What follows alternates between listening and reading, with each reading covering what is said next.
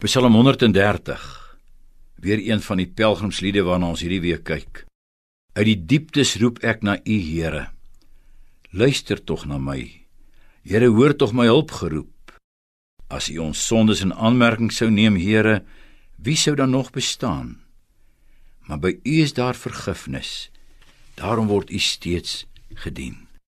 Baie van ons ken die bekende woorde van hierdie Psalm, hoe soos dit ook beruim is uit dieptes gans verlore van redding ver vandaan waar hoop se laaste spore in wanhoop my vergaan. En dan besef ons die digter van hierdie psalm moes in 'n verskriklike nood wees in die noute wat hom uit die dieptes tot God laat roep. Wat kan dit wees? Vyande wat sy lewe soek 'n leermag wat hom omring 'n dodelike siekte. Nee luister wat sê hy in vers As U ons sondes in aanmerking sou neem, Here, wie sou dan nog bestaan? Sy nood is sy sondenood. Onthou hy's 'n pelgrim op pad. Hy's nou in Jerusalem, daar moet hy die Here ontmoet. Maar hy kan nie, nie met sy sonde en sy stikkende lewe nie. En nou worstel hy in die nag daarmee. Maar dan kom hy tot die heerlike besef: by U Here is daar vergifnis. Sy God is 'n God van ontferming, 'n God van genade. En daarom wag hy nou dat die dag moet breek, soos die wagters daar op Jerusalem se stadsmure.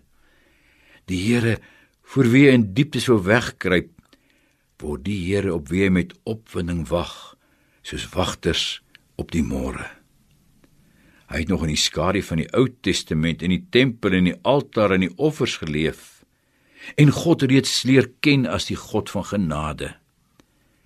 Hoeveel te meer ek en jy, ons wat leef in die volle lig van die Nuwe Testament, van Jesus Christus wat gekom het, wat ons sonde weggeneem het, reeds die dag vir ons laat breek het. En so word hierdie Psalm uit die dieptes 'n Psalm van hoop en genade vir elkeen wat met sy sonde stikkend voor die Here staan en in Christus vergifnis en nuwe lewe gevind het. Amen.